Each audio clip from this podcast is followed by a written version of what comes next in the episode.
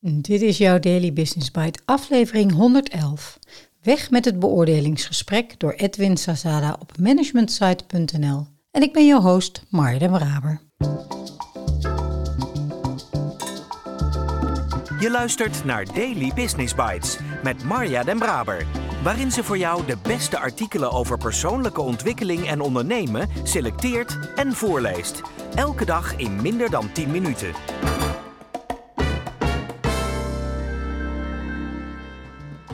Dit is de podcast waarin ik jouw oren streel met de zachte klanken van de beste artikelen over ondernemen en persoonlijke ontwikkeling die ik maar kan vinden. Met toestemming van de auteur uiteraard. Laten we starten met het optimaliseren van jouw business. Er zijn nog steeds veel bedrijven die gebruik maken van een traditioneel performance management systeem soms zelfs met de expliciete intentie om zelfontwikkeling te stimuleren. Een cyclus met misschien twee of drie gesprekken per jaar, waarin iemand op het einde van het jaar een cijfer krijgt. Een beoordeling. Dat lijkt misschien een prima middel om prestaties te verbeteren, maar in werkelijkheid zijn dergelijke performance management methodieken nauwelijks effectief. Ze veroorzaken vaak zelfs meer schade dan dat ze aan voordeel opleveren. In 2000 verscheen er een onderzoek van Michael Mount, Steven Scullen en Maynard Goff dat korte metten maakte met de perceptie van nauwkeurigheid van het jaarlijkse beoordelingscijfer. Hoewel er hele rituelen aan gewijd zijn, blijkt uit hun onderzoek dat we ongelooflijk slecht zijn in het beoordelen van andere mensen. Meer dan 50% van de variantie in de beoordeling komt door de persoon die beoordeelt. Slechts iets meer dan 20% komt tot stand door de daadwerkelijke prestatie van de desbetreffende persoon.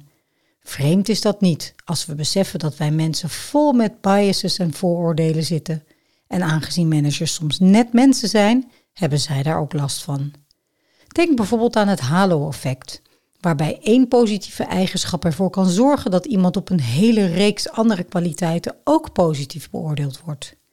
Iedereen kent wel zo'n persoon. Iemand die goed kan presenteren en daarom ook ineens allerlei leiderschapskwaliteiten toegedicht krijgt. Iemand die heel goed met klanten is en daarom commercieel manager wordt. Of iemand die heel goed is in kritiek geven en daardoor zelf goed lijkt te functioneren. Onze onbewuste denkfout is dat als iemand op één ding goed presteert, dat hij of zij dat op andere onderwerpen dan ook wel zal doen. Het tegenovergestelde effect bestaat ook. Bij het Horn-effect leidt één negatief aspect ertoe dat iemand op een hele reeks onderwerpen slecht beoordeeld wordt. En als dat het enige was, dan was er misschien nog wel een manier te vinden om de jaarlijkse performance management cyclus te verbeteren. Maar nee, managers hebben bijvoorbeeld ook last van de confirmatiebias, waarbij ze hun eerste indruk van iemand onbewust staven door informatie die hun beeld bevestigt beter te onthouden. Ze hebben last van de fundamentele attributiefout, van verschillen in genegenheid en ga zo maar door. En dan is er nog de moeilijkheid om het cijfer zelf te bepalen. Welk gedrag is welk cijfer? Hoe meet je dat? Een traditionele performance management methodiek kost veel tijd, veel moeite en veel geld. Het resultaat? Over het algemeen demotivatie. En feitelijk is bijna niemand er echt tevreden over. Medewerkers zijn er niet tevreden over, managers zijn er niet tevreden over en zelfs HR-managers vinden overwegend, bijna 90%, dat hun performance management systeem onnauwkeurig is. Nu heb ik hier wel gebruik gemaakt van Amerikaanse cijfers, maar zou het in Nederland anders zijn? Nee, Paul Bossely, hoogleraar strategisch Human Resource Management bij de Universiteit Utrecht, beschreef het misschien wel het meest treffend. Als je één keer per jaar een bloemetje meeneemt op je trouwdag, is dat toch ook geen garantie voor een goed huwelijk? Met al die negativiteit zou je verwachten dat er toch minimaal één groep is die het beoordelingsgesprek prettig vindt. De groep medewerkers die gefocust is op zelfontwikkeling, op persoonlijke groei. Die actief om terugkoppeling vraagt, juist omdat ze graag willen verbeteren. Kortom, de medewerkers met een overwegende leerdoeloriëntatie. Voor hen is alle feedback immers welkom, toch? Nee, Zelfs medewerkers met een leerdoeloriëntatie die over het algemeen zelf actief op zoek zijn naar feedback, zijn minder tevreden met hun performance management systeem als ze negatieve feedback te horen kregen. En als we eerlijk zijn, is dat ook de reden dat de meeste beoordelingen hoger zijn dan statistisch verantwoord is. Managers voelen ergens wel aan dat een lager dan verwachte beoordeling prestaties eerder verslechtert dan verbetert. En de neurowetenschap geeft hen gelijk. Nu is het in feite al lang geen geheim meer dat onze traditionele beoordelingsmethodieken falen. En aangezien vrijwel iedereen ontevreden is over het performance management systeem, zou je dan ook verwachten dat het ene na het andere bedrijf ermee stopt. Dat is echter niet het geval. Voor een HR-afdeling is bijna niets lastiger te veranderen dan het performance management systeem, omdat er dan opeens minder tastbare data is. Wat dat betreft doet het denken aan de situatie die Nobelprijswinnaar Kenneth Arrow meemaakte, zoals beschreven in het boek Against the Gods: The Remarkable Story of Risk. Tijdens de Tweede Wereldoorlog werkte Kenneth als weerman en vroeg hij zich af waarom sommige weermannen het weer tot wel een maand vooruit moesten voorspellen. Statistisch gezien volstrekt waardeloos. Toen hij dat aandroeg bij zijn leidinggevende, antwoordde die: The commanding general is well aware that the forecasts are no good. However, he needs them for planning purposes. Exact hetzelfde gebeurt bij menig leidinggevende die voorstelt om de performance management cyclus te laten vallen en te focussen op persoonlijke ontwikkeling. Goed idee krijgen ze te horen, zolang we maar jaarlijks een prestatiematrix ontvangen met een cijfer per medewerker. Precies daarin zit de crux. Dat is het cijfer dat houvast geeft, ook al klopt het niet. Net als bij vele contraproductieve sturingsmechanismen, bureaucratische systemen en de wetenschappelijke manier waarop McNamara de oorlog in Vietnam dacht te winnen, zit onze neiging tot controle ons wederom in de weg. In plaats van een performance management systeem kunnen we beter focussen op relevante, tijdige en goede feedback en op ontwikkelgesprekken.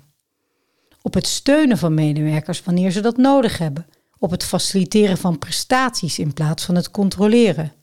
Maar dan hebben we wel leiders nodig die hun emotionele behoefte aan controle weten te beheersen en hun mensen durven te vertrouwen. Daily Business Bites met Marja Den Braber. Je luisterde naar Weg met het beoordelingsgesprek door Edwin Sazada. In aflevering 104 over Wil je eigenlijk wel feedback gaf ik al aan dat dit artikel van Edwin voer was voor een nieuwe aflevering. En dat is het. Fijn onderbouwd met veel voorbeelden die tot de verbeelding spreken. Die weermannen bijvoorbeeld die een maand vooruit moeten plannen. Voor mijzelf is het alweer bijna 20 jaar geleden dat ik bij KLM als manager met de mensen van mijn afdeling gesprekken zoals dit voerde. Ik weet nog zo goed dat bij sommigen de stoom uit de oren kwam omdat ik aangaf dat ze goed functioneerden. Een 8 dus als cijfers. Een 8 dus als cijfer. Wat een discussies. Waarom maar een 8? Omdat goed gewoon echt goed is, gaf ik aan. Maar niet heel goed of uitmuntend.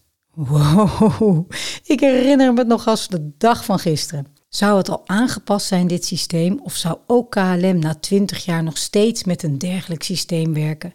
Ik kon er niet veel recents over vinden op internet en ik ben wel heel nieuwsgierig. Dus als je het weet, laat het me weten. Ondertussen helemaal eens met Edwin en ook met Axel, die het artikel van aflevering 104 schreef. Focus op relevante, tijdige en goede feedback. En voordat je dat binnen een team kunt doen, is focus op psychologische veiligheid en vertrouwen ook nodig. Het hangt allemaal met elkaar samen. Veiligheid, vertrouwen en verbinding als kernwaarden om daarna elkaar te kunnen voeden, feedback te geven, vakmanschap te kunnen ontwikkelen en voortgang met elkaar te boeken. Het V6-model in een notendop. Ik spreek je graag morgen weer.